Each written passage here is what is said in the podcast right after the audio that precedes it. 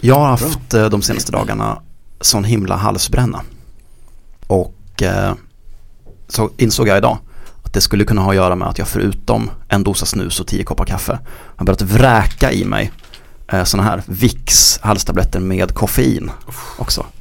Jag tror att jag måste sluta med det för att jag går nog sönder på insidan.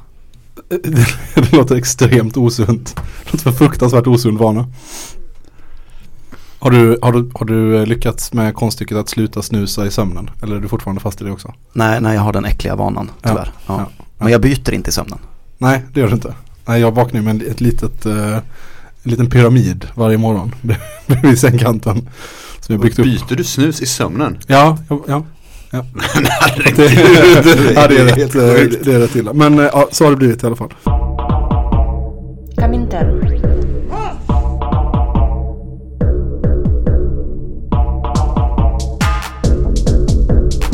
Berätta inte för mig om det svenska klassamhället. Jag har sett det. Jag har växt upp i det. Jag hatar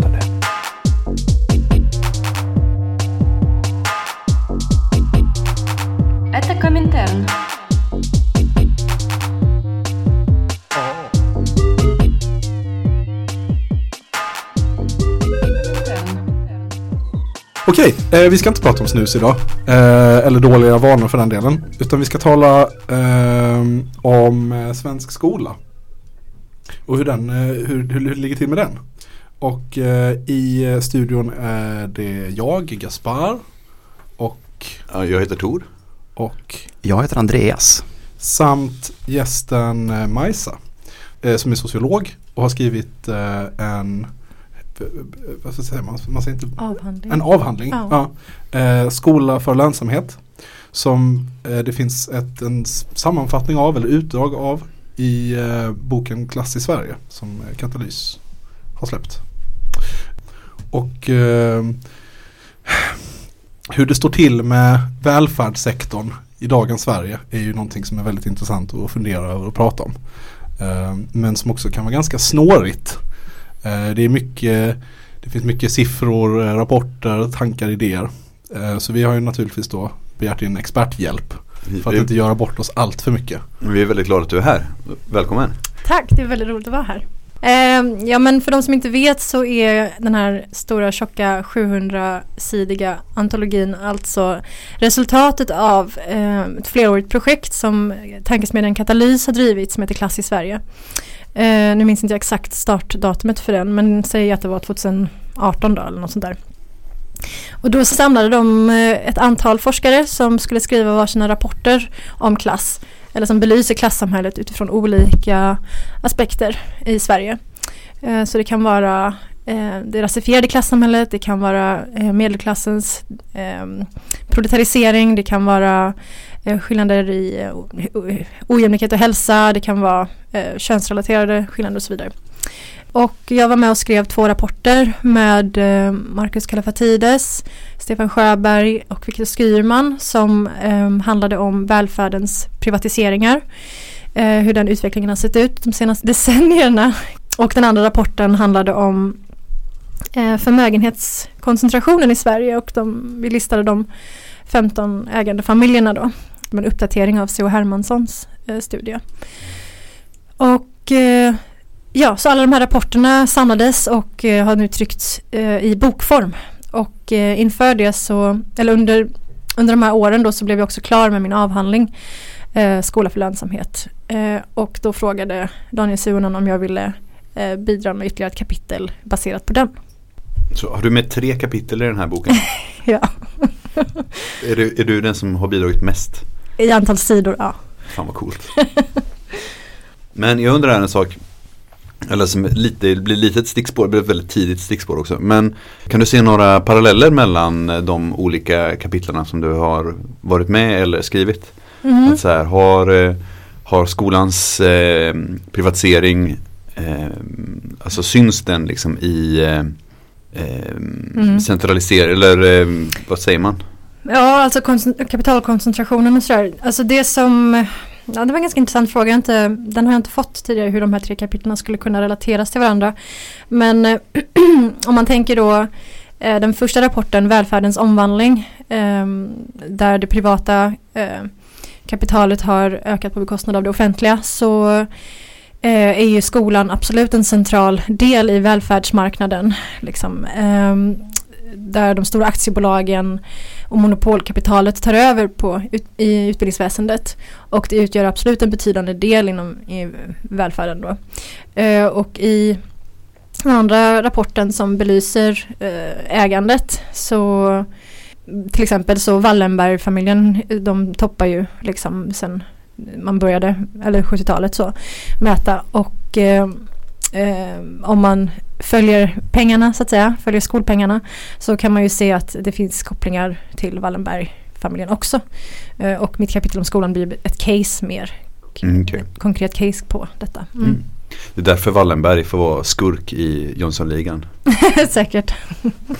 Man kommer ju tänka på den här eh, Det är en enda klubb och du är inte med i grejen. Eller alltså att eh, det handlar inte om så himla mycket, många individer ändå där allra högst uppe på toppen. Liksom. Så nästan oavsett vilken sektor man rör sig i Mm. och man följer pengarna så kommer man tillbaka till samma Till gäng. slut blir det det. Man kan ju säga i början så kan det ju vara den här låt tusen blommor blomma fast på småföretagarnas eh, liksom anda.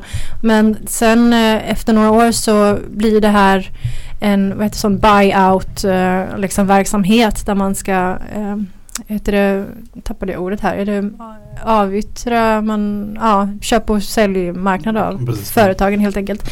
Och då kommer ju de stora eh, aktörerna in Därför att det, hör och häpna, inte är så himla stor skillnad till syvende och sist på om det är en skola eller en vårdcentral eller en pizzeria typ. Alltså, Nej, nej precis. Alltså, Jag tänker att kapitalisterna konkurrerar ju med varandra också. Så att eh, det, även där finns det ju liksom att de köpstarka vinner över de små. Det är de här fiskarna ni vet. Den här ena stora fisken som äter de små fiskarna. ja precis. Mm. Hur, hur kom vi hit då? Det låter ju inte så muntert den här beskrivningen av den Nej. svenska skolan. Alltså beskrivningen är ju väldigt så här Jag tänker att beskrivningen är en sak men den upplevda verkligheten är ju också Alltså för er två som jobbar i skolväsendet liksom, så blir det ju väldigt tydligt att det kommer in på bara skinnet liksom. Mm. Jag tänker att vi kan, vi kan zooma in lite senare och tala om hur det, hur det blir på golvet. Men eh, i, ditt, eh, i det du har skrivit, eller det som är med här i eh, utdraget av eh, avhandlingen. Mm. Eh, Vad det klär dig att du trummar lite på klass i Sverige. så, Kommer du börja bära den tegelstenen som accessoar? ja, det kommer jag börja Ja, förlåt. Ja, nej, men det är absolut. Eh, men eh, vad heter det? Det är också Jo. en frivikt kan man använda. Ja, Mm. absolut. Eh, förena nytta med nöje. Mm. Gymteori. Eller istället för gatsten. Ja. Eh, vad heter det? Men du tar ju avstamp i, eh, i lite 90-talet får man väl ändå säga. Mm. Alltså att det är där, det är där någonstans som du börjar eh, Ja, du, du, du, du konstaterar ju att man, man kan ju gå typ hur långt tillbaka som helst. Eller inte hur långt tillbaka, men alltså man kan Du vet var man börjar blir nästan lite eh, Inte godtyckligt, inte ordet jag letar efter men eh, det kan eh, Det finns flera rimliga ställen att börja på. Men, det, men du börjar lite 90-talet här, eller du börjar 90-talet. Mm. Eh, för vad är det som händer då? Ja, alltså frågan om att bedriva utbildning i privat regi har ju funnits, eh, alltså det är ju en äldre modell än grundskolan som vi har i Sverige. Alltså innan den offentliga grundskolan så var det ju liksom privata utbildningsinstanser. Men eh, sen under efterkrigstiden när vi, och under den socialdemokratiska liksom starka guldåren och eran, då, då bygger vi ut de offentliga institutionerna och eh, vi får en gemensam grundskola 1962. Och redan, alltså Eh, vad ska man säga, jag är lite så eh, försiktig med att prata om tydliga brott på det sättet. Utan jag ser att det finns en kontinuitet. Eh, och de röster eller de och grupper som har pläderat för privat utbildning och för liksom borgerliga, borgerlig skolning eller de konservativa hållningarna. Eh, de fortsätter ju göra det även eh, efter vi får den här grundskolereformen, gemensam grundskola. Eh, så att som ni själva vet som jobbar i skolan så har ju lärarna ju inte en eh, homogen liksom, grupp utan det finns ju eh, vi har ju två lärarfack som historiskt sett har haft olika eh, hjärtefrågor eller drivit olika sakfrågor. Eh, så just det vad jag skulle säga. Jo, men 62 får vi en enhetsskola. Men eh, trots det så finns det ju röster som fortfarande vill eh, bryta loss det här eller bryta upp det här eh, eh, gemensamma och det offentliga. Eh, men de får kanske inte riktigt gehör förrän någon gång på 80-talet. Det tillsätts utredningar 77 om detta och någon gång på 80-talet så, så börjar man propagera då för att eh, bedriva en, eh, att, vad heter det? enskilda huvudmän ska kunna bedriva skola. Och eh, det här är ju en del av en rörelse som är bredare än, än skolfrågan. Det är ju hela Milton Friedmans modell kring eh, vouchersystemet, skolpengssystem kan man säga. Um, och eh, hela den, det nyliberala paketet som kommer under 80-talet med Reagan och Thatchers eh, hårt drivna ovanifrån drivna liksom, politik får ju fäste också i Sverige och eh, det här sammanfaller kan man säga under en eh, egenmaktsrörelse hos socialdemokratin också. Eh, där man ser då den statliga styrningen av skolan som ett hinder och man, man pratar nästan om den offentliga sektorn som en ofantlig sektor, alltså den, en sån koloss som bara står i vägen för just den här egenmakten. Eh, så att Får jag bara, när man mm. pratar om egenmakt, vem, vems perspektiv är det man har då? Och så pratar man om liksom egenmakt hos individer eller pratar man om eh, liksom kapitalet eller Ja, egenmakten här handlar om att eh, makten bör komma närmare invånarna. Så det är väl individen, eh, fast det är inte ett individbegrepp som tolkar jag det som nyliberalismens individbegrepp då. Men närmare invånarna och det här kommer till uttryck genom då den kommunaliseringsreform som sker eh, 1991. Men, men vänta, intressant. Alltså, så att kommunaliseringen av skolan som av många lärare idag talas om som liksom alltså, det värsta som hänt sen och nu höll jag på att säga något dumt. Nej, alltså det värsta som hänt som atombomben liksom. Alltså verkligen så en riktig sån katastrof. Mm. Eh, det, eh, det är alltså kanske, det får man alltså kanske se som ett uttryck för eh, någon slags antibyråkratism hos Socialdemokraterna då? Absolut. Spännande. Och, och, bara för att avsluta den här långa eh, historiska harangen så Eh, så ja men precis, så vi har den här kommunaliseringsreformen 91 och då har det ju redan under 80-talet pläderats för att få ha privata skolor också. Men på, på sätt och vis öppnar ju kommunaliseringen då upp för den nästkommande reform som då får gehör nu, alltså för att det är historiskt eh, med, de här, eh, med den här eh, nyliberalismen från eh, eh, USA och England eh, har fått starkare fäste i Sverige och vi har en höger som mobiliserar sig som för en klasskamp kan man väl säga som har protesterat och haft en skitstor demonstration mot löntagarfonderna och liksom hela det här racet de har liksom som är väldigt eh, men de är på hugget vid den här tiden liksom. Det gör ju att friskolereformen som kommer 1992 då, året efter kommunaliseringen, den sammanfaller väldigt väl med den här egenmaktsrörelsen. Så att eh, om man pratar om diskurser och så i samhället så då, det blir förståeligt, det landar på ett rimligt sätt på något sätt. Ja, för jag, alltså utan innan jag hade läst om det så antog jag bara att det var något sånt bildjävelskap, kommunaliseringen, mm. som han liksom smög in och bara ja ja. Nej, det, det är sossarna. Så återigen, återigen så visar det sig att det är socialdemokratin som hugger oss i ryggen, mycket värre än eh, Eller, Moderaterna. Man kan säga att sossarna eh, lägger ut en röd matta och sen så får eh, de borgerliga eh, genomföra eh, sina liksom, radikala åtgärder och sen när sossarna kommer tillbaka så gör de ingenting åt det. De mm, låter det vara så att säga. Um, en katalysator kan man säga sossarna. Men för den som inte är så insatt i skolfrågor eller aldrig ens har, eller så, inte har jobbat i skolan. Vad, vad innebar mm. kommunaliseringen? Mm. Bara i snabba drag.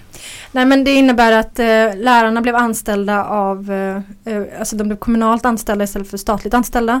Eh, det innebar också förändrade eh, ekonomiska resurser så att eh, nu var det upp till varje kommun att eh, själv eh, portionera ut hur mycket pengar deras skolor skulle ha. Innan fanns det liksom en statlig pott eller en statlig fördelnings Ehm, så det som hände var ju att olika kommuner har ju olika mycket resurser för att de har olika sorters skatteintäkter. Ehm, och det påverkar ju eh, hur mycket man kan förse skolorna med. Samtidigt som att kommunen också har flera verksamheter att fördela budgeten mellan. Det vill säga äldreomsorgen, kultur, fritid, skola då. Ja, olika. Allt vad det nu kan vara mm. som kommunen håller på med. Så att innan så var det, alltså det är klart att det fanns olika Det är klart att klassamhället märktes i utbildningen innan också liksom. Mm. Eh, men kanske inte på samma tydliga sätt liksom. Utan det kanske handlade mer om så här vad man har för studiemotivation hemifrån och ehm, Alltså sådana vi- saker. Ja, alltså ehm, vi hade ju de minsta klyftorna i skolan i Sverige under 80-talet. Ehm, och ehm, precis, det var ju mer statligt likvärdigt på det sättet, att, att, alltså ekonomiskt sett i alla fall.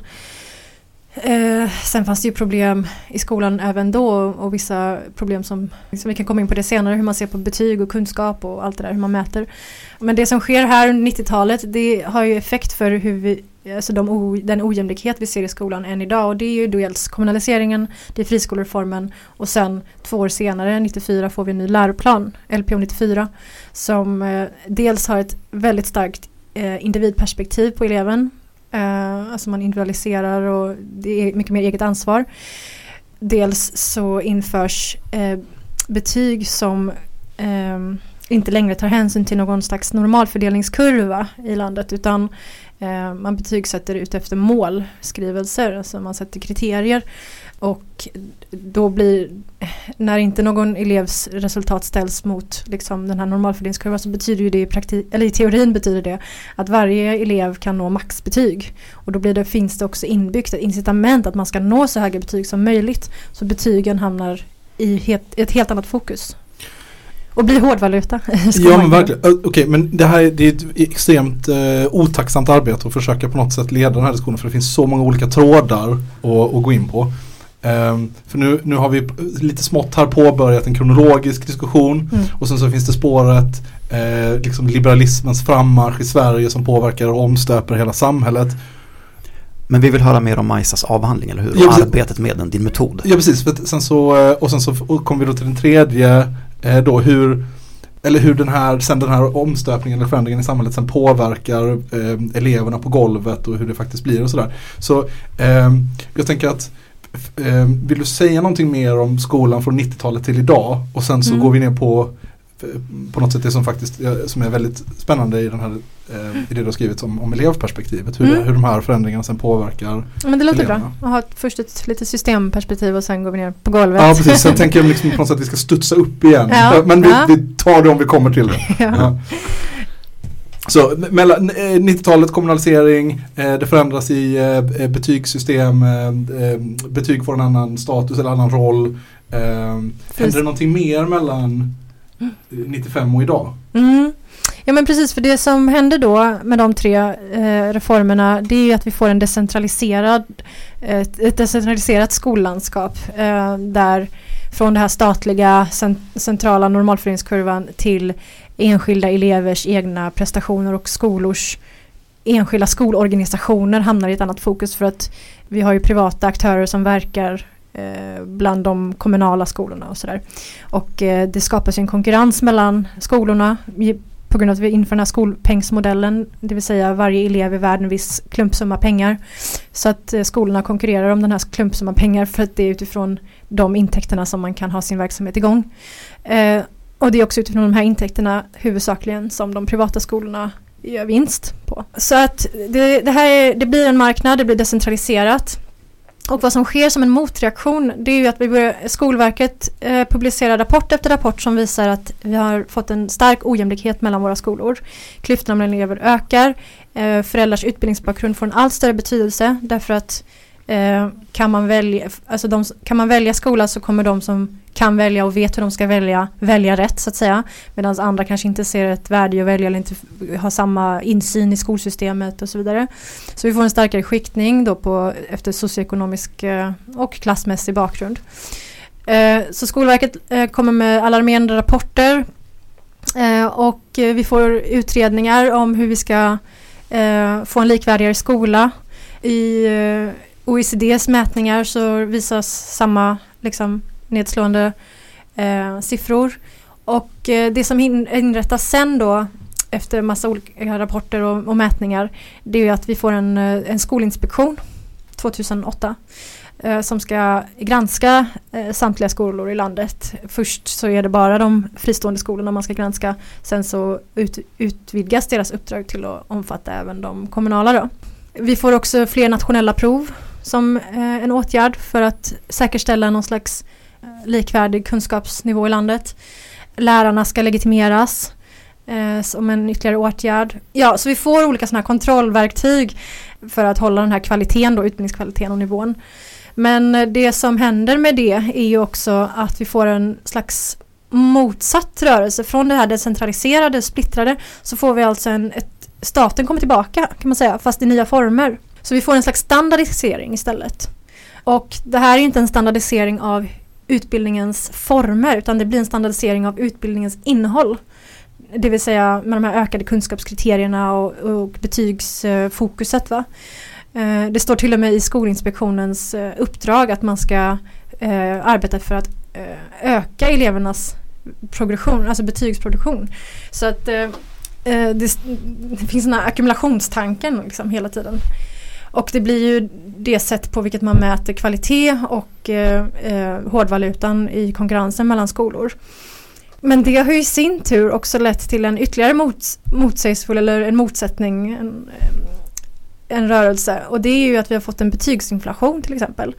Eh, så det här systemet motarbetar sig själv kan man säga. Det är en slags immanent upplösning. Det är här, det här som det här gamla tåget. När jag läste det här så, så tänkte jag på den här, eller ja, mest känd från Nebba Grönlåt. Eh, att så här, man hade någonting som var ganska, som var jämlikt. Och sen så gav man det åt hundarna, det vill säga man gav det till eh, Liberalerna och kapitalet. Att bara ja, men, hugga sönder och tugga i sig. Och sen, och sen så inser man, fan, fan nu, nu funkar ju inte det här men vi kan inte ta tillbaks det. Vi kan inte ta det från, det finns liksom ingen väg bakåt. Man kan inte ta tillbaks det från, eh, eh, från kapitalet igen. Så då får, man, då får staten gå in och försöka kontrollera på ett annat sätt. Liksom.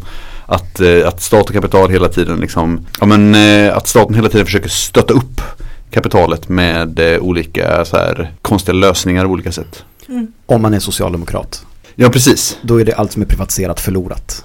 Ja. Men, men det märker man ju verkligen och det här med att staten kommer tillbaka i, i nya former kan man säga, i förnyade former. Det ser man ju också väldigt tydligt i hur egentligen partiöverskridande så vill man återinföra en starkare statlig kontroll på skolområdet. Eh, och det kan ske antingen genom, som jag sa, de här kontrollverktygen med prov och förfinade betygskriterier och så vidare. Eh, men man har också pratat om ett förstatligande av skolan från olika håll. Liksom. Mm -hmm. Även från, mm, även från, från höger? Ja. Men man, man kan ju tänka sig att Sverigedemokraterna vill förstatliga skolan så alla måste stå och sjunga nationalsången på morgonen. Ja, men precis. Alltså det är ju, jag menar, ja det är ju mardrömslikt. ja, ja. Ja, men, ja, precis, och jag, jag, tror David Harvey har liksom pratat om det hur nyliberalismen går hand i hand med, med nykonservatismen också. Och det blir väldigt tydligt här till exempel i då Ja, vi märker att det skapar klyftor mellan elever. Det, fler elever sållas ut. Då inför man som åtgärd att man eh, begär någon vite från eh, vårdnadshavare vars elever skolkar till exempel. Det kan man begära. Eller att man inför eh, ordningsbetyg i, i liksom terminsbetygen som Jan Björklund vill göra. Um, så att de här nykonservativa inslagen blir då som ett sätt att åtgärda det som inte funkar. Alltså Jan, jag tycker Jan Björklund är en sån, han är en sån jävla bra och vidrig symbol eh, för hela den här grejen. Alltså så här, driver en, en liberal politik samtidigt så här gammal militär där han bara vill att det ska bara marschera ut barn mellan gluggen i hans framtänder. Bara taktfast med fanor och trummor liksom. Han är fan det vidrigaste som har kommit från Östergötland alltså.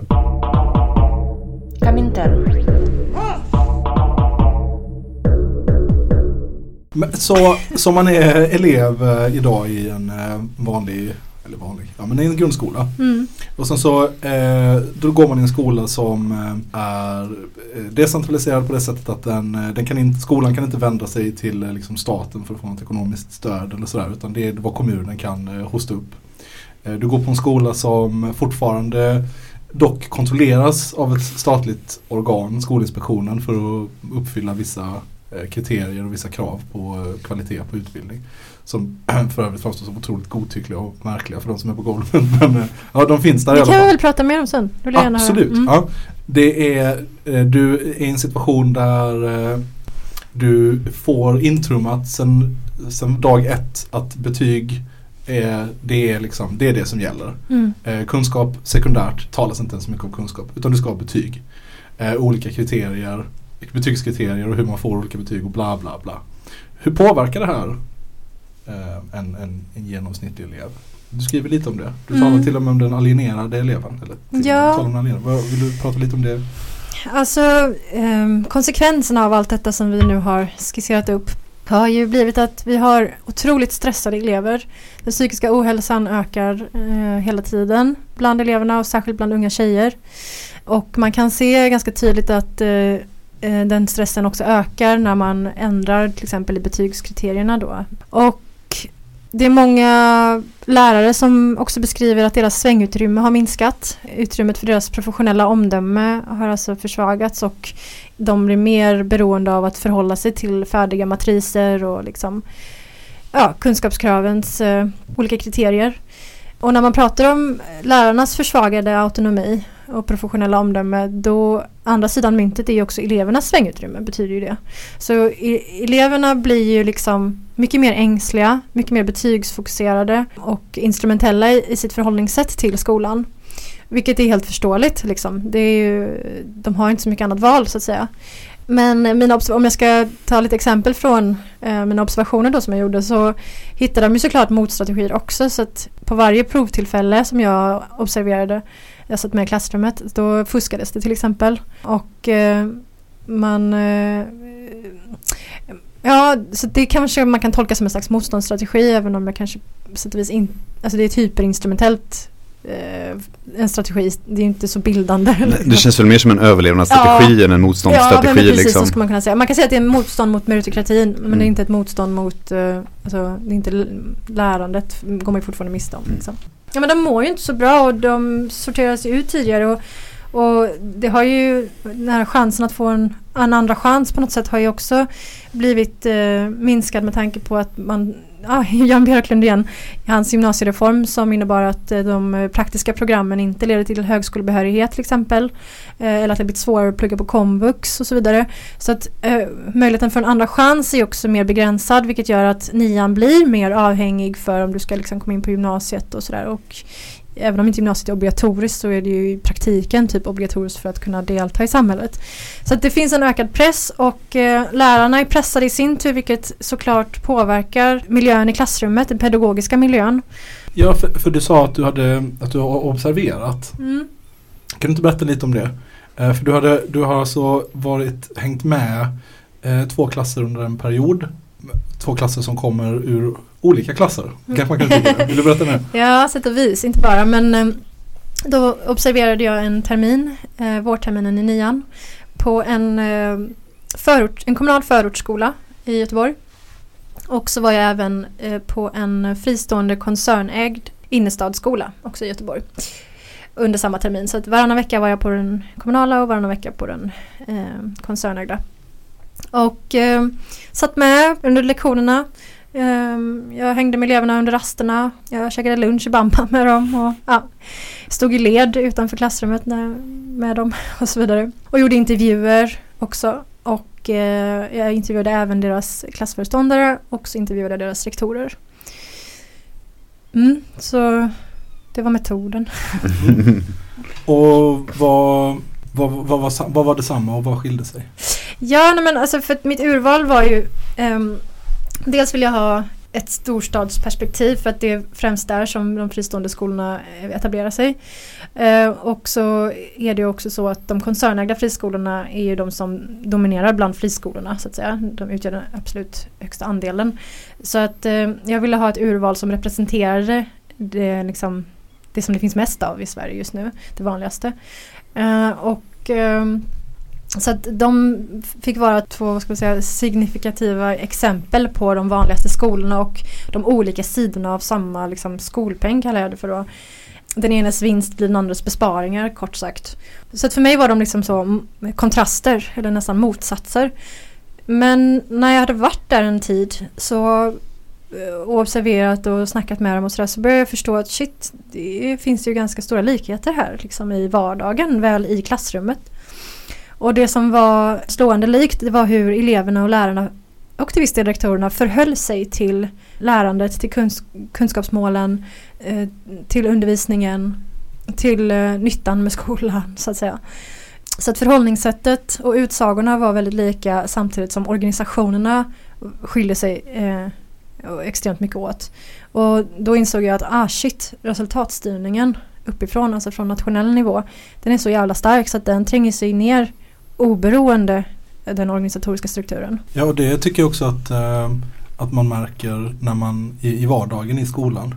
Alltså eh, den, va, den vanligaste frågan tycker jag man får är liksom inte, eh, och du skriver om det här är intressant också, alltså det, man får inte så mycket frågor om innehåll eh, i undervisning. Man får inte frågor om, eh, ja men vad, vad kommer, hur länge har krokodiler funnits på jorden? Utan man får frågor om, kommer, jag, kommer du betygsätta mina kunskaper om krokodiler?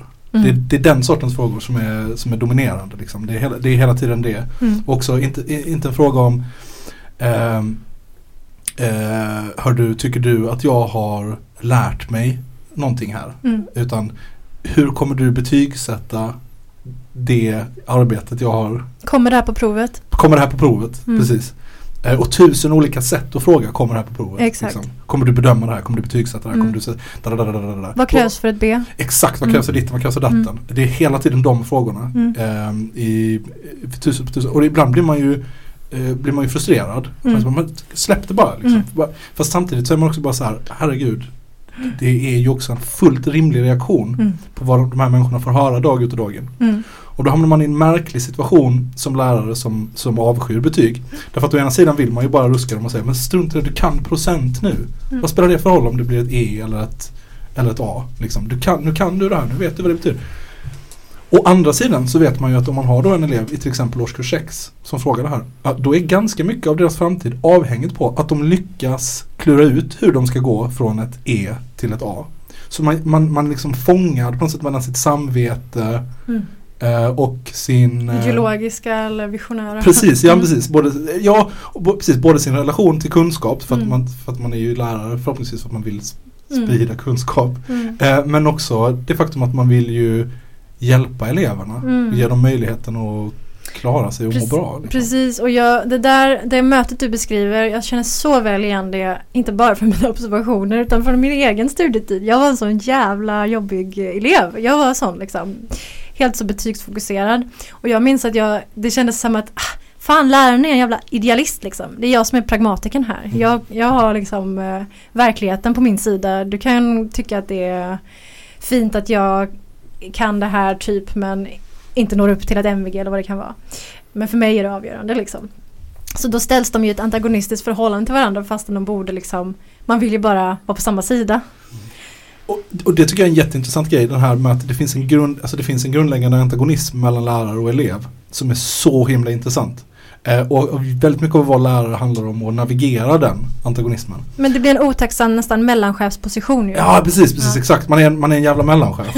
därför att å ena sidan så, det finns, och den går på flera nivåer också. Därför att å ena sidan så handlar det om en ren Alltså för att typ så, jag vet inte, 90% av vad man lär ut i skolan är ju ändå bara typ så sitt still, håll käft, kom i tid. Alltså allt annat är ju bara så här, vad heter det, julpynt runt omkring. Så det, där är det hela tiden så. Då måste man liksom, och det är ju, där är man ju fast för att man eh, Därför att för man måste ha en rimlig arbetssituation. Man Såklart. kan inte ha 25-30 Det är en arbetsmiljöfråga. Ja det är arbetsmiljöfråga. De kan, de kan sitta och skrika och gorma hur som helst. Mm. Och sen mår ju de flesta barn väldigt dåligt av det också. Även om de tycker om att skrika och gorma lite ibland. Men om det blir för mycket så mår de dåligt. Eh, och fast även om man lyckas skapa en situation där alla får skrika och gorma hur mycket de vill och ändå må bra. Så hamnar man i kläm med sitt med, sitt kollega, alltså med de andra kollegorna. Därför att de får ju samma elever sen. Om man då har sagt ah, men skrik och gorma hur mycket du vill. Bara, då blir de ju rasande på en. Mm. Helt begripligt. Därför de är ju inte kommunister. De har ju inte alls samma idéer. Men den läraren sa att jag fick ha keps. Exakt, exakt. Eh, så det, hamnar, det är på väldigt många olika jobbiga nivåer. Eh, och det är bara, det är bara ordningsperspektiv. Sen, ja, betyg. Alltså det faktum att jag sitter på någonting som lärare Mm, är alltså en, en, en resurs mm, som mina elever vill åt. Mm. De vill ha någonting av mig. De vill, att, de vill att jag ska göra någonting för dem. Liksom. mm. Och det sättet de kan få ut det är genom att eh, lista ut hur de eh, liksom uppfyller de här kriterierna, betygskriterierna. Men det är ju som att spå i Telöv. Det finns ju ingen jävel där ute som fattar hur det ska gå till. Det gör det ju bara inte. Det spelar ingen roll hur många specialpedagoger man får. Eller faktum är så här. Om man frågar två specialpedagoger, en i säg Malmö och en i Göteborg, kommer få två helt olika svar. Men det är ju det som också är det fina, alltså det, i det handlar det ju om, om det pedagogiska professionella autonomin. Alltså, och, eh, och det är det tänker jag som lärarnas kamp måste handla om. Att man, man får det förtroendet liksom, för att man kan göra den typen av professionella bedömningar. Och att det är ett kollegialt yrke i, i botten. Precis som i akademin som till stor del vilar på det kollegiala eh, samarbetet. Men det jag skulle säga var, som jag tänkte på när du eh, beskriver hur eleverna frågar om det här kommer på provet eller inte och så vidare. Man brukar ju prata om att om, eller ett argument som eh, när man också jämför internationellt eh, i förespråkandet av, av att ha många eh, tidiga betyg och, och ha många liksom, eh, bedömningar under vägens gång. Det är ju att vi inte ska ha en situation som är teaching to the test, säger man. Alltså som bara hänger på ett slutprov. Och det kan jag förstå. Absolut, för det blir så himla pressat när det hänger liksom på ett enda avgörande sista tillfälle. Samtidigt har vi nu svängt om så pass mycket att vi har en situation som man kan kalla för teaching to the grade. Alltså där lektionerna bara genomsyras av den här kriterieförmedlingen som jag vill säga då. Eller det skriver jag i boken att vi har fått en kriterieförmedling snarare än en kunskapsförmedling. Alltså att lektionerna genomsyras av det. Och, det, och det, det märks ju i både hur lärarna känner sig stressade och för att de kan få kritik från föräldrar, från elever, från rektorer, eh, från politiker, från journalister. Överallt ifrån kan de få kritik om de inte sätter bra betyg. Eh, så att dels hur de förmedlar men också då hur eleverna i sin tur driver på den här på grund av sin stress. När du skriver om alienerade skolbarn Mm. i din text så tycker jag att du fångar det eh, ganska kärnfullt när du skriver att resultatstyrning och standardisering tränger bort det utrymme som skulle kunna fyllas med spontanitet och kreativ nyfikenhet. Och det är för jävla sorgligt att det är den situationen, både som vuxen och lärare förstås, Mm. men också som barn från årskurs fyra snart. Det är fruktansvärt. Mm. Alltså jag är så extremt glad att jag klarade mig undan den här grejen på, på en hårsmån. Liksom. Eller jag är så pass gammal så att det här slog aldrig till så hårt innan jag hade gått ut eh, grundskolan. Mm. För jag hade inte fixat det här. Alltså. Det hade inte Det hade verkligen inte gått. Nej, det, alltså, det är verkligen groteskt. Och det är så många som, som mår så jävla dåligt Mm. av det. Alltså det är verkligen så. Och det, det sjuka är också att det finns ju, det är väldigt få lärare som, som tror på någon slags betyg överhuvudtaget tycker jag.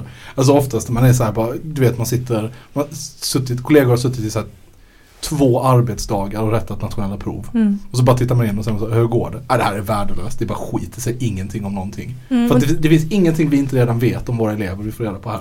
Det är bara det att man får det på papper på ett speciellt sätt så att man kan försvara sin Men det, det handlar ju om att också betygen fyller så många olika funktioner och där tänker jag, för det var alltså både lärarna på den fristående skolan och den kommunala, de var ju samstämmiga i det här. Deras svängutrymme hade minskat alltså, och de eh, såg det som extremt komplicerat den här ATF-skalan då att bedöma ut, utifrån. Och på båda skolorna sa lärarna att det känns orättvist att behöva sänka en elev eh, bara för att den inte har klarat eh, på den här, det är fem delmål då så ska man liksom, om man får li, svagare på ena då sänks hela betyget så att säga. Att man kan få, en, få göra en helhetsbedömning.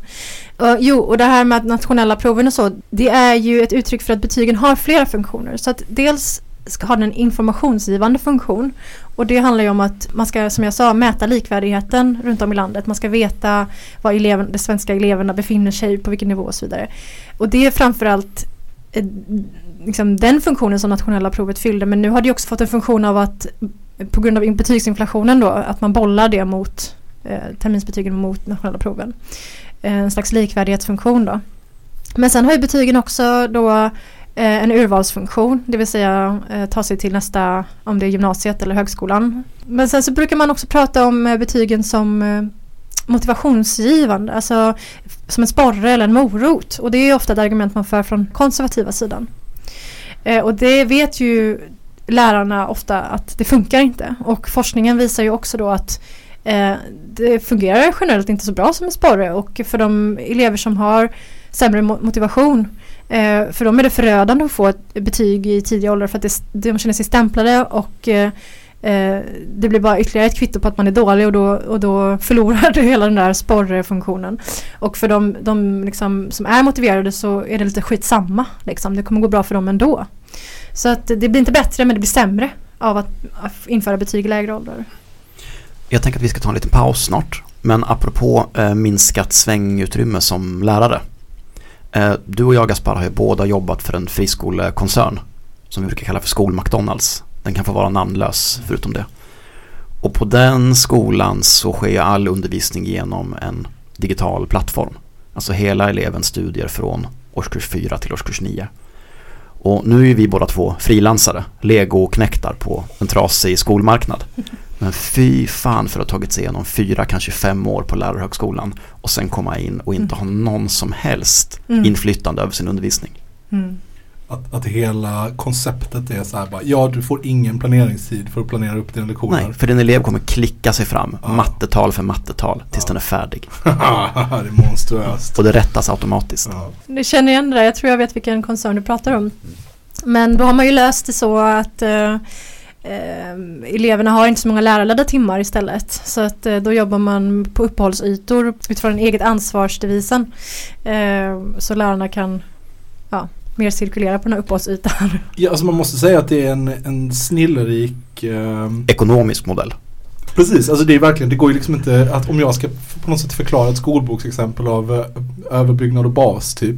Så här, bas är här att du vill ha färre lärare och fler elever för varje elev ger en peng och varje lärare kostar peng. Mm. Så då ska du maximera mängden elever, gärna ha 35 per lärare. Mm. Ha, okej, hur ska vi förklara det genom på något så här, jo men då använder vi oss av den här liberala ideologin som är, ja men då ska de ta eget ansvar och Mm. bla bla bla bla. Precis, och det skriver jag med avhandlingen där. eh, Det är väldigt tydligt att den fristående skolan jag observerar på, som är en koncernskola, där jobbade de efter den här modellen precis. Och eh, ser man statistiken generellt så har ju friskolor eh, inte lika hög lärartäthet. Eh, så att man drar in på det rörliga kapitalet. Och vidrig mat i bamba. Skulle jag vilja tillägga. Ja, eller de har ju cateringbolag och så de kan ju upphandla efter hur, hur de vill. De behöver inte gå eh, efter lagen om offentlig upphandling som kommunerna gör. Så att de kommer ju runt eh, både det när det gäller maten och eh, skollokalen. Och det känner de också ganska bra in på. Comintern. Okej, okay, men vi har talat lite om eh, hur att elever, elever mår inte bra av det här alls. Ehm, och det är ju ett märkligt system. Men det tvingar också fram ett visst, en viss, eller tvingar fram, det, det har utarbetats ett visst sorts lärande. Som kallas för entreprenöriellt lärande. Som ska lära elever hur de ska lära sig, vad de ska lära sig och eh, om vad de ska bli för människor typ. Kan inte du prata mer om entreprenöriellt lärande? Ja, alltså det här är då ett begrepp som kom in i läroplanen till och med, eller först skollagen till och med, och sen läroplanen 2011 eh, som initierades av den dåvarande eh, borgerliga regeringen med Jan Björklund i spetsen igen.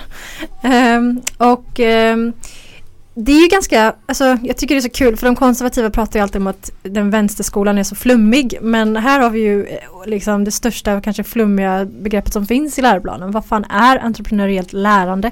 Det är ett helt nytt koncept liksom.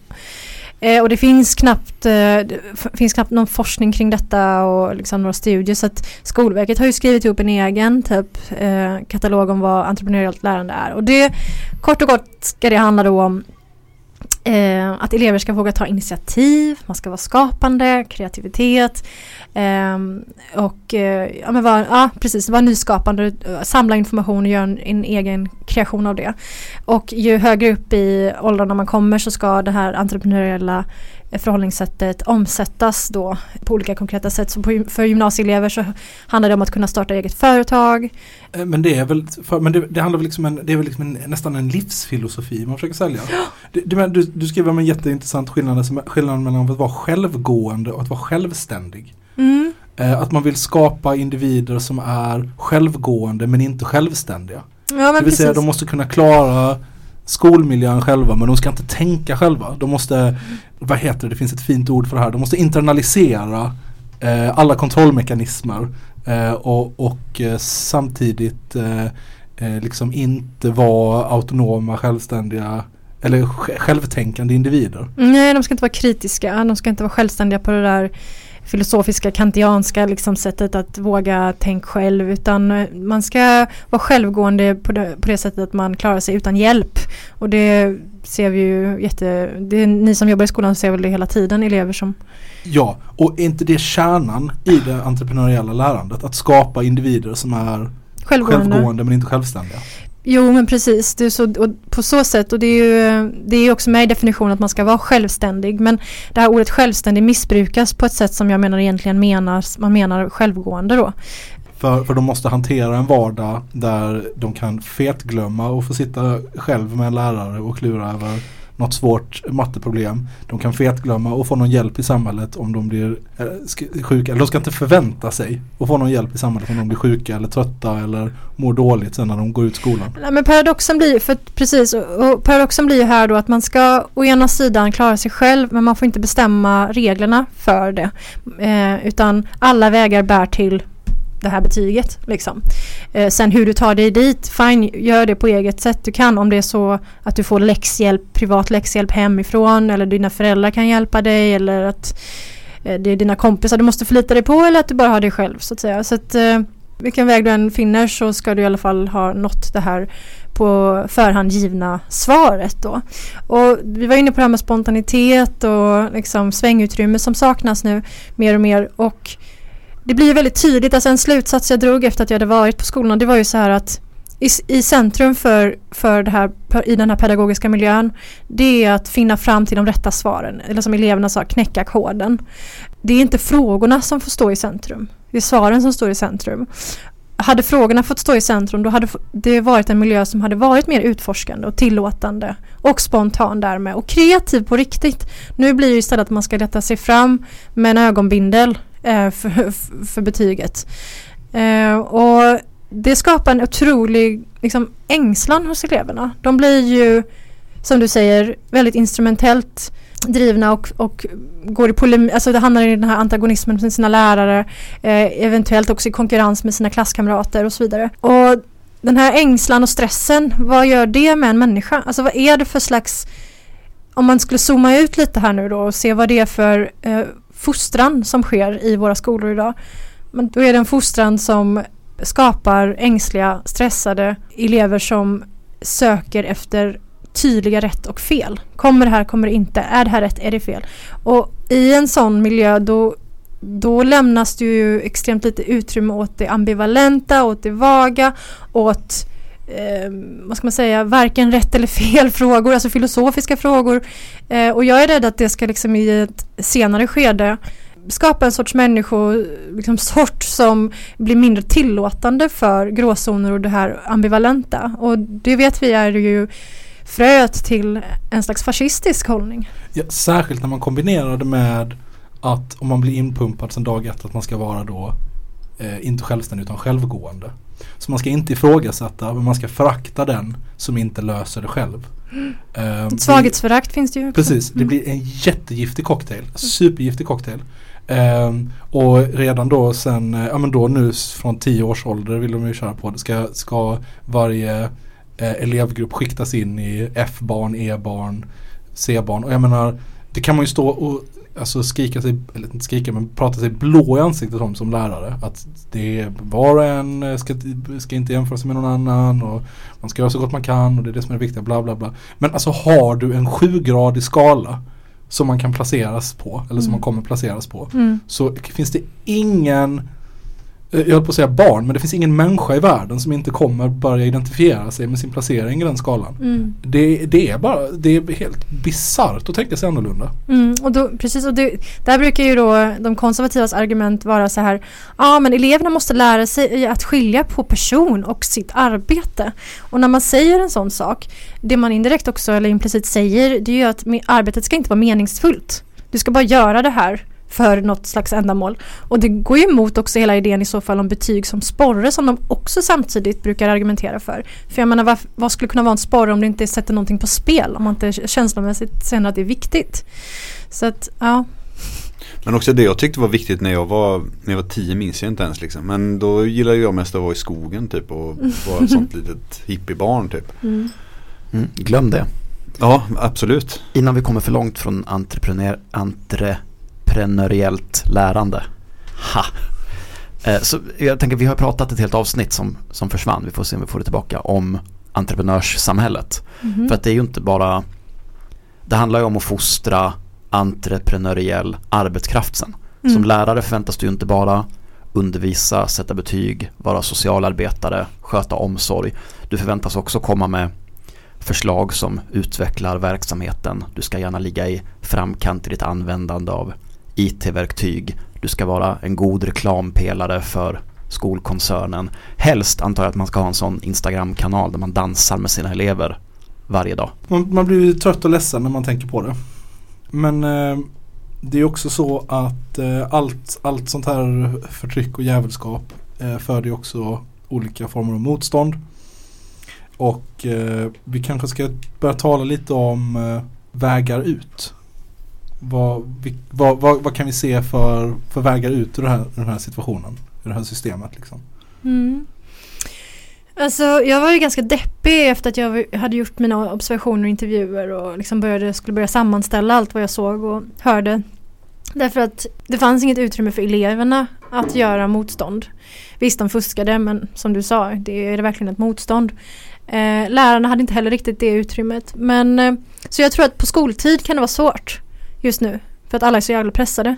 Men utanför skoltid så finns det ju absolut just nu en, eh, jag skulle säga en, en underifrån, en gräsrotsorganisering hos lärare som mer och mer börjar Eh, ja, men vi har ju den här skitstora, det är tusentals personer med i den här skolkritiskt forum på Facebook till exempel och man börjar mer och mer inspireras från de här vilda lärarstrejkerna i USA och Ja men hela egentligen legitimiteten hos New Public Management har ju urholkats de senaste åren och det här knyts ihop till kamper som förs hos, inom vården och omsorgssektorn och så vidare.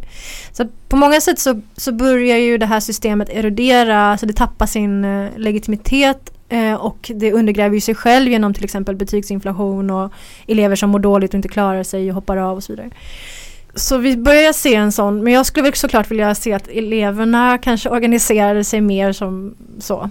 Um, men um, öppningar, ja alltså jag skulle också vilja att liksom jag tänker att Vänsterpartiet har varit ganska bra på att prata om skolfrågor det senaste. Men jag skulle önska att vänstern utanför partiramarna eh, också började intressera sig mer för skolfrågor. Och jag är därför jätteglad att vara här till exempel. Eh, för att eh, jag har liksom jag kan räkna upp på en hand där jag har fått frågan att prata om skolan eh, hos den liksom, autonoma vänstern och så. Eh, Och jag undrar lite varför skolan inte har varit ett hett ämne på det sättet som till exempel bostadsfrågan eller Jag tänker att de som är Teknik. inblandade är för gamla för, många av de som är inblandade och drivande är för gamla för att fortfarande gå i skolan. mm. Eh, men för unga för att ha barn som går i skolan än. Så då möter betygsreformen nu de från ena änden då. Snart börjar det bli aktuellt för deras barn också. Ja precis, Mm. precis. Mm.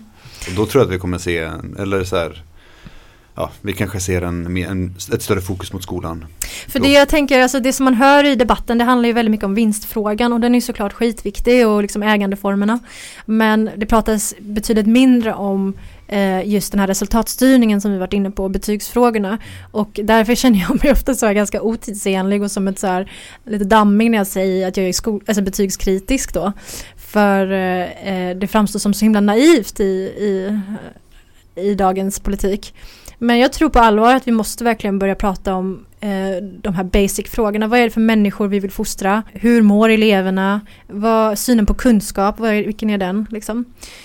En vision som är lite större än från vilken årskurs ska vi ha betyg. Ja, Men, precis. men alltså särskilt det här med betygen är ju synnerligen märkligt eftersom om man tar om man jobbar inom vården till exempel, säg inom vården att eh, Liberalerna trumfat igenom att vi ska återinföra åderlåtning. Mm. Eh, och då är det liksom som att alla inom vården är bara så, ja, nej men då åderlåter vi väl då. Liksom, vi vet att det inte hjälper eh, och att det skadar folk. Det finns kanske några på varje sjukhus som, som köper åderlåtningsideologin, att den nog faktiskt funkar och är bra. Men de allra flesta är bara så, det är bara slöseri med tid. Det Mm. gör folk aktivt illa, det gör att jag mår dåligt. Mm. Men man bara fortsätter och tuffar på. Mm. Liksom. Därför att det känns så himla, alltså resten av samhällsdebatten är så långt ur synk Mm. med den insikten som de flesta som jobbar med barn har, nämligen att, eh, att betygsätta är inhumant, brutalt och framförallt fullständigt, inte framförallt, men till råga på allt fullständigt ineffektivt för någon av de mål som man säger sig vilja uppnå med att betygsätta. Ja precis, det, det, det skapar inte det liksom ändamål som man syftar till. Det motarbetar snarare dem. Om man vill sporra eleverna, ja men det motarbetar motivationen snarare, märker vi ju. Eh, Piggelin! Piggelin är ett jättebra sätt att få elever att göra som de vill. Eller det här med att det ska skapa mer likvärdigt i landets skolor. Nej, men det skapar en betygsinflation istället. Så det motarbetar sina egna liksom, syften. Alltså jag tycker det, eller vi har kommit in på det här med betygsinflationen eh, vid några tillfällen men jag skulle gärna prata lite om eh, eh betyg som affärshemlighet och betyg som eh, alltså ett, ett affärsredskap mm. liksom. Eh, att, eh, att man kan visa på som då, som då skola att så här, men vi, alla våra elever får höga betyg liksom, och därför locka till sig elever. Mm. Och det är på det sättet som vi hamnat i den här betygsinflationen. Eller har jag förstått det rätt? Um, ja, jo kanske, men betygsinflationen handlar ju då om att um, uh, det har lite olika grejer men betygen blir hårdvaluta i den här konkurrensen på skolmarknaden. Så uh, precis som du säger, man marknadsför sig med sina betyg. Kolla, vi har höga betyg. Eh, men det är ju ändå läraren som sätter betygen och lärarna är ju ändå, har sitt professionella omdöme. Men de blir som jag sa tidigare pressade. Det har hänt till exempel flera fall där rektorer har gått in och ändrat lärarnas betygssättning. Och det får man ju absolut inte göra. Och det har anmälts till Skolinspektionen och blivit rättsliga fall av det. Vi har eh, föräldrar som pressar lärare. I den här stora boken Djursholm till exempel så kan man ju se till exempel hur stark, alltså starka föräldragrupper är, agerar som påtryckare och det, även Skolverkets rapporter har tagit upp det tidigare. Så. Eh, vi har elever som pressar lärare också och till syvende och sist kan hota med att eh, ta med sin skolpeng någon annanstans. Mm. Och får inte en skola tillräckligt med attraktivt rykte och intäkter och elever då måste de ju till slut stänga. Vilket liksom vi har sett att kommunala skolor har fått stänga ner samtidigt som, alltså samma år som fristående skolor har ökat i antal. Och, och eh, den här, det är en affärsmodell som du säger, betygen ingår i den här affärsmodellen då eftersom det är en hårdvaluta. Så det man ser statistiskt sett det är att fristående skolor, de diffar mer mellan då nationella provet och slutbetyget. Och man har också sett att de klarar sig sämre de eleverna på eh, högskolan jämfört med elever som gått kommunala skolor som inte har den där diffen. Mm. Så de är mindre väl förberedda då för så det blir också en indikator på. Jag talade med en person på skolförvaltningen eh, om anmälningar och klagomål. Mm. Och 80% av alla anmälningar och klagomål kommer från samma skoldistrikt i Göteborg. Vill ni gissa vilket? Örgryte. Örgryte Härlanda. Mm -hmm. Ja det förvånar mig inte.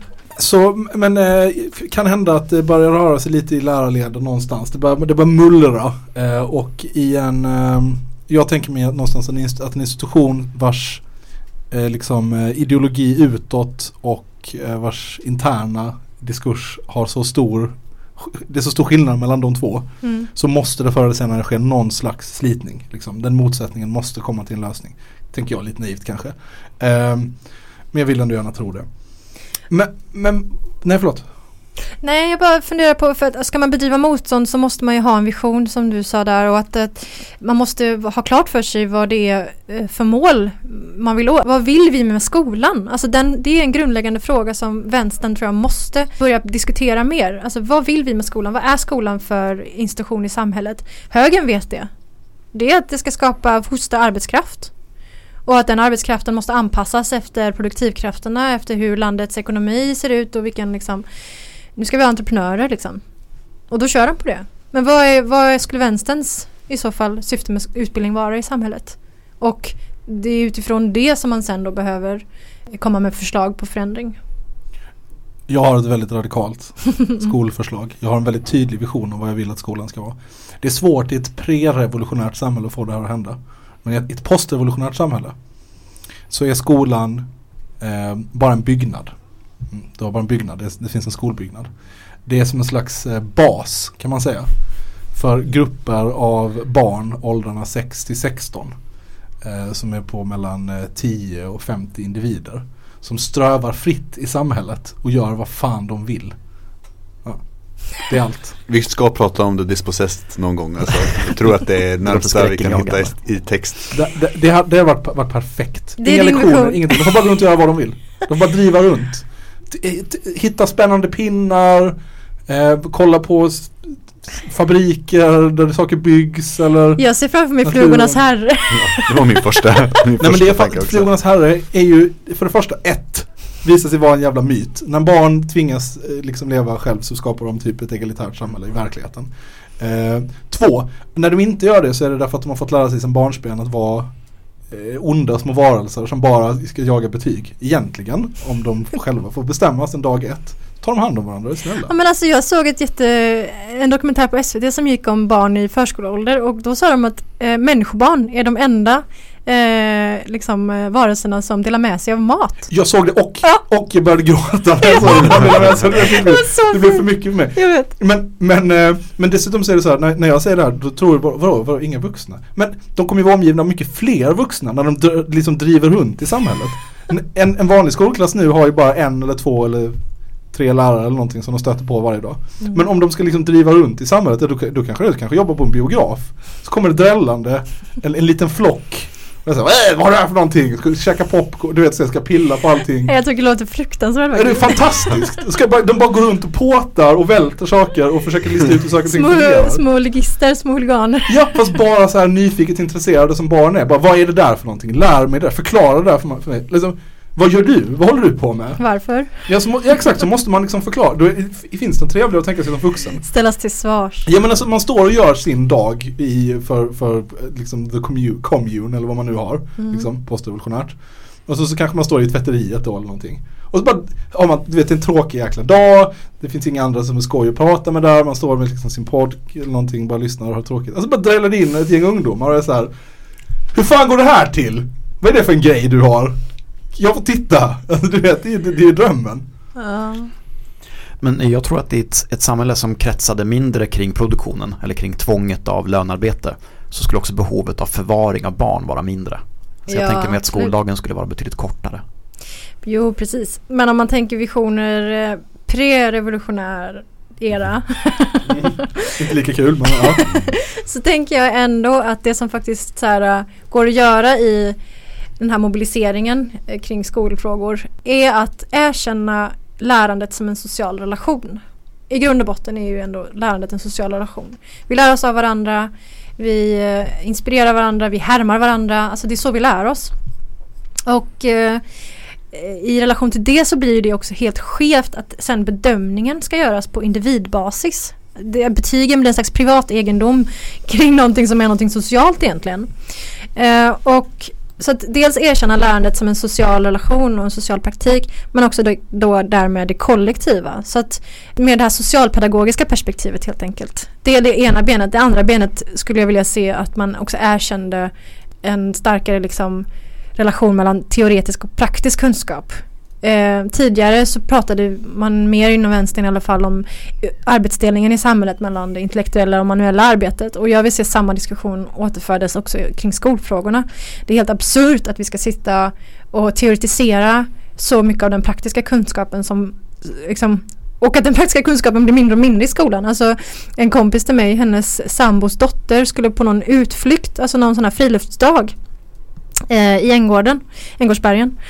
Och, och då har de fått hem ett papper innan där det stod med en matris över vad Alltså, ja, du ska ha med dig olika plagg och det skulle motsvara det här betyget. Alltså förstår ni att de översatte? Va? Det är Ja. det sjukaste jag har hört. Det är helt vansinnigt men det är också helt begripligt. Ja, och jag, det värsta är att jag förstår exakt den läraren. Ja. För den läraren är bara så här: okej eh, nu ska vi göra det här. Det kommer ta en hel dag. Ja. Eh, jag kommer behöva, jag måste ta varje chans till bedömning. Därför Ja. att annars kommer jag få fan från antingen min chef, föräldrar, eh, vårdnadshavare, bla bla bla liksom. Ja, det är någon eh, rektor eller mellanchef som har tittat den här pedagogen i ögonen och sagt jaha, och hur knyter du den här lek och tramsdagen till Lgr 11? Eh, exakt, vad är, ditt, vad är ditt bedömningsunderlag här?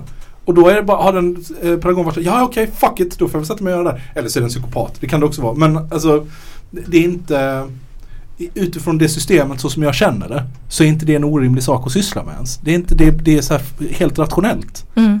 Och vad lär sig då eh, eleven av det här? Ja, det kan ju inte vara så att det kan vara kul att gå ut och käka sniglar och hoppa i vattenpölar. Nej, nej, nej, nej. Utan då måste man istället ta på sig gummistövlar därför att Mm. Punkt, punkt, punkt. Inte För- för att det är jobbigt att vara blöt om fötterna utan för att Får, jag, får jag läsa upp en grej? Mm. Då har de alltså fått den här sen- matrisen här kring friluftsdagen som jag visar här.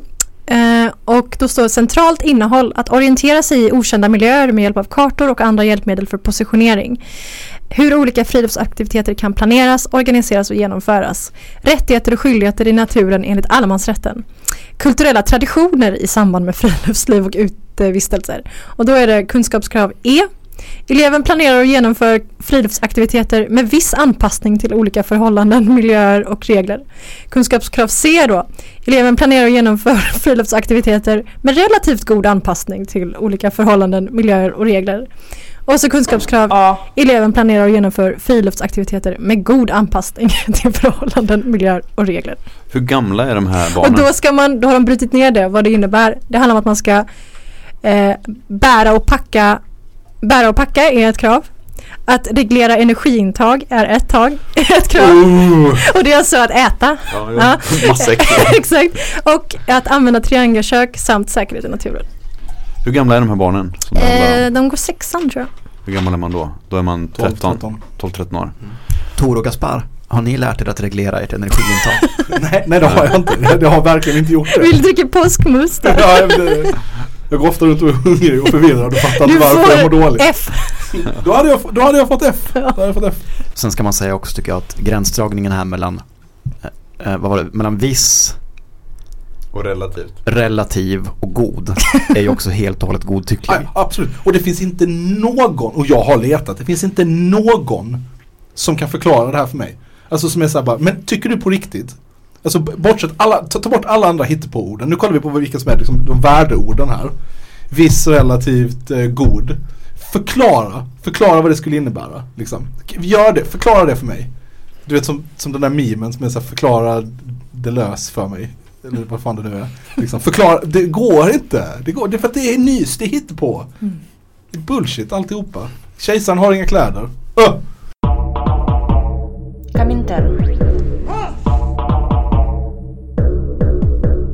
Förra veckan eller någonting så var det liksom den stora skolinspektionen. Um, och det är verkligen, det är också en sån spå i teblad grej. Alltså, ingen vet vad de ska kolla. Det, finns inga, det verkar inte som det finns, verkar inte som det finns några tydliga kriterier som man liksom kan uppfylla. Att man kan bocka av. bara, Okej, vi har det här, vi har det här, vi har det här, vi har det här. Utan det finns en sån diffus oro från ledningshåll. Och så har man sådana ryckiga, eh, märkliga, extremt stressande ordrar om det ena eller det andra. Vi måste ha en, eh, en tre månaders handlingsplan för elev X nu! Och bara så, här, va, varför? Varför? Så här, det kommer ju stå på pappret att jag skrev den nu. De, alltså ingen kommer bli lurad. Men då måste tydligen specifikt den dokumentationen finnas. Och det är helt... Men är inte det också apropå eh, paradoxal disciplin? Alltså eftersom Skolinspektionen då eh, delar ut bot till skolor som inte uppfyller vissa krav. Mm. Och vad blir konsekvensen av det? En fattigare och i förlängningen sämre skola. Mm. Men alltså så, okej, som jag har förstått det här, jag tänkte på det här förut också. Att staten har liksom dragit sig tillbaka från det pedagogiska och är åter som enbart bestraffande. Har- Är, är det bara jag som har den här känslan eller är det eller, eller delar, delar någon den med mig? Jag vet inte om den har dragit sig tillbaka från det pedagogiska för de formulerar ju kriterierna fortfarande. Det är statliga eller nationellt formulerade kriterier, kunskapskraven och så. Men, eh, och de skriver ju, alltså nationella proven kommer också från statligt håll och så. Däremot har de ju dragit sig tillbaka ekonomiskt. Och då kompenserar de den tillbakadragningen med att vara bestraffande. Och, och också skillnad mellan form och innehåll. Eh, alltså, så att de, de har dragit sig tillbaka från form. Men Mm. är fortfarande i allra högsta grad intresserade av innehåll. Eh, Exakt, de har blivit mer innehåll, från Ja. form till innehåll. Ja. Det Så fanns nu- ingen innehåll innan från staten, det var lärarna mer. Så, så nu ska eh, innehållet detaljstyras. Mm. Formen släpps fri. Men också ekonomin. Vilket i praktiken betyder att formen kontrolleras Mm. eh, ännu hårdare. Mm. Så den här egenmakten man vill åt från sossarnas sida som man pratar om, den har ju försvunnit. Liksom. Man har inte, lärarna har inte fått mer makt, tvärtom. Mindre. Men egenmakten som Liberalerna vill åt, eller högern vill åt, det vill säga att eh, vissa skulle kunna sno andras pengar. Eh, den, den har liksom trätt fram. Absolut. Den är, den är i allra högsta grad pi- pigg och alert. Den är med. Kamintern. Det kommer bli en sån jävla mycket, alltså så här, när det finns tillräckligt många av de här eleverna i samhället Det kommer bli så jävla mycket Manson-sekter alltså. Vad kommer det bli? Sådana Charles Manson-sekter. Där det bara är så här, jag vill bara flippa ur, göra något helt annat och sen slutar det med att eh, olika så, ungdomsgäng tar alldeles mycket LSD och hugger ihjäl kändisar. Men de knarkar ju inte ens längre, ungdomarna.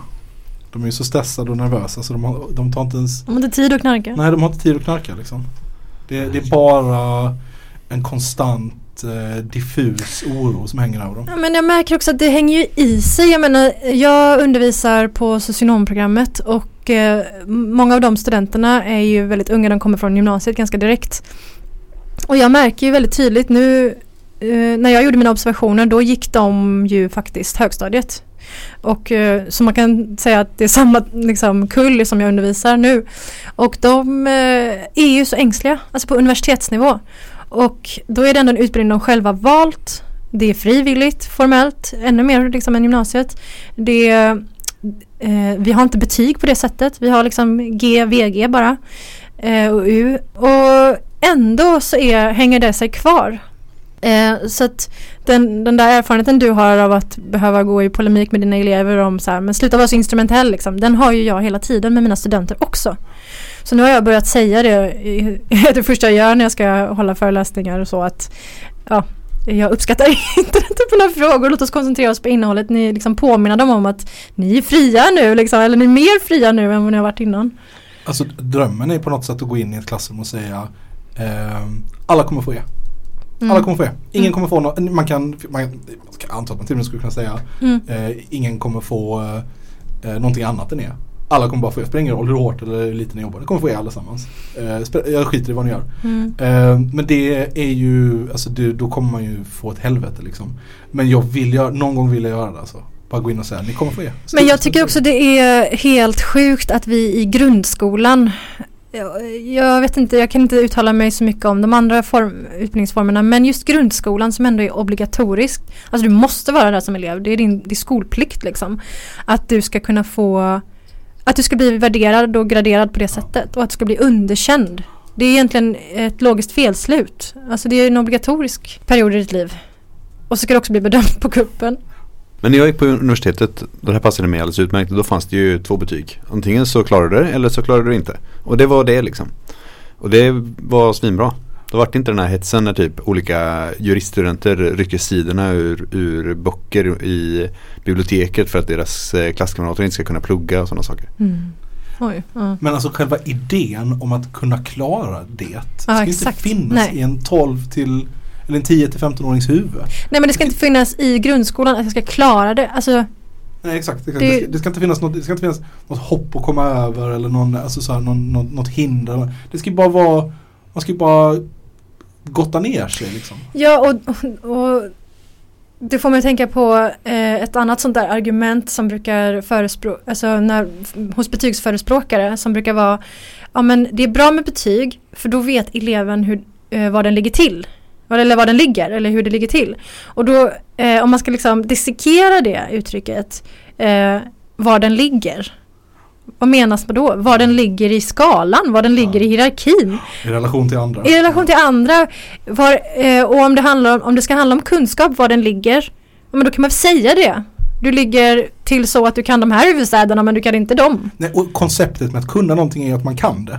Alltså det vill säga det är omöjligt att kunna alla Europas huvudstäder utan att veta att man kan alla Europas huvudstäder. Alltså det är, det är en själv, alltså om man har en kunskap så har man ju kunskap om att man, alltså jag antar att man kan hitta något corner case där det inte är fallet. Men alltså, ni, elever är extremt medvetna om vad de kan och inte kan. Mm, Men i ännu större utsträckning medvetna om vad det översätts i för betyg. Liksom. mm. Men var du ligger till. Ja, jag tycker att det Ja, är... det är ett vidrigt uttryck. Och jag, särskilt ont gör det när man kollar på typ Lilla Aktuellt och de har pallat upp någon stackars tioåring och tutat i den stackaren att den ska säga just exakt den meningen. Nej men det känns skönt att veta vad jag ligger till. Jag känner mindre stress då. Mm. Vad är det för monster som har sagt det till det här barnet?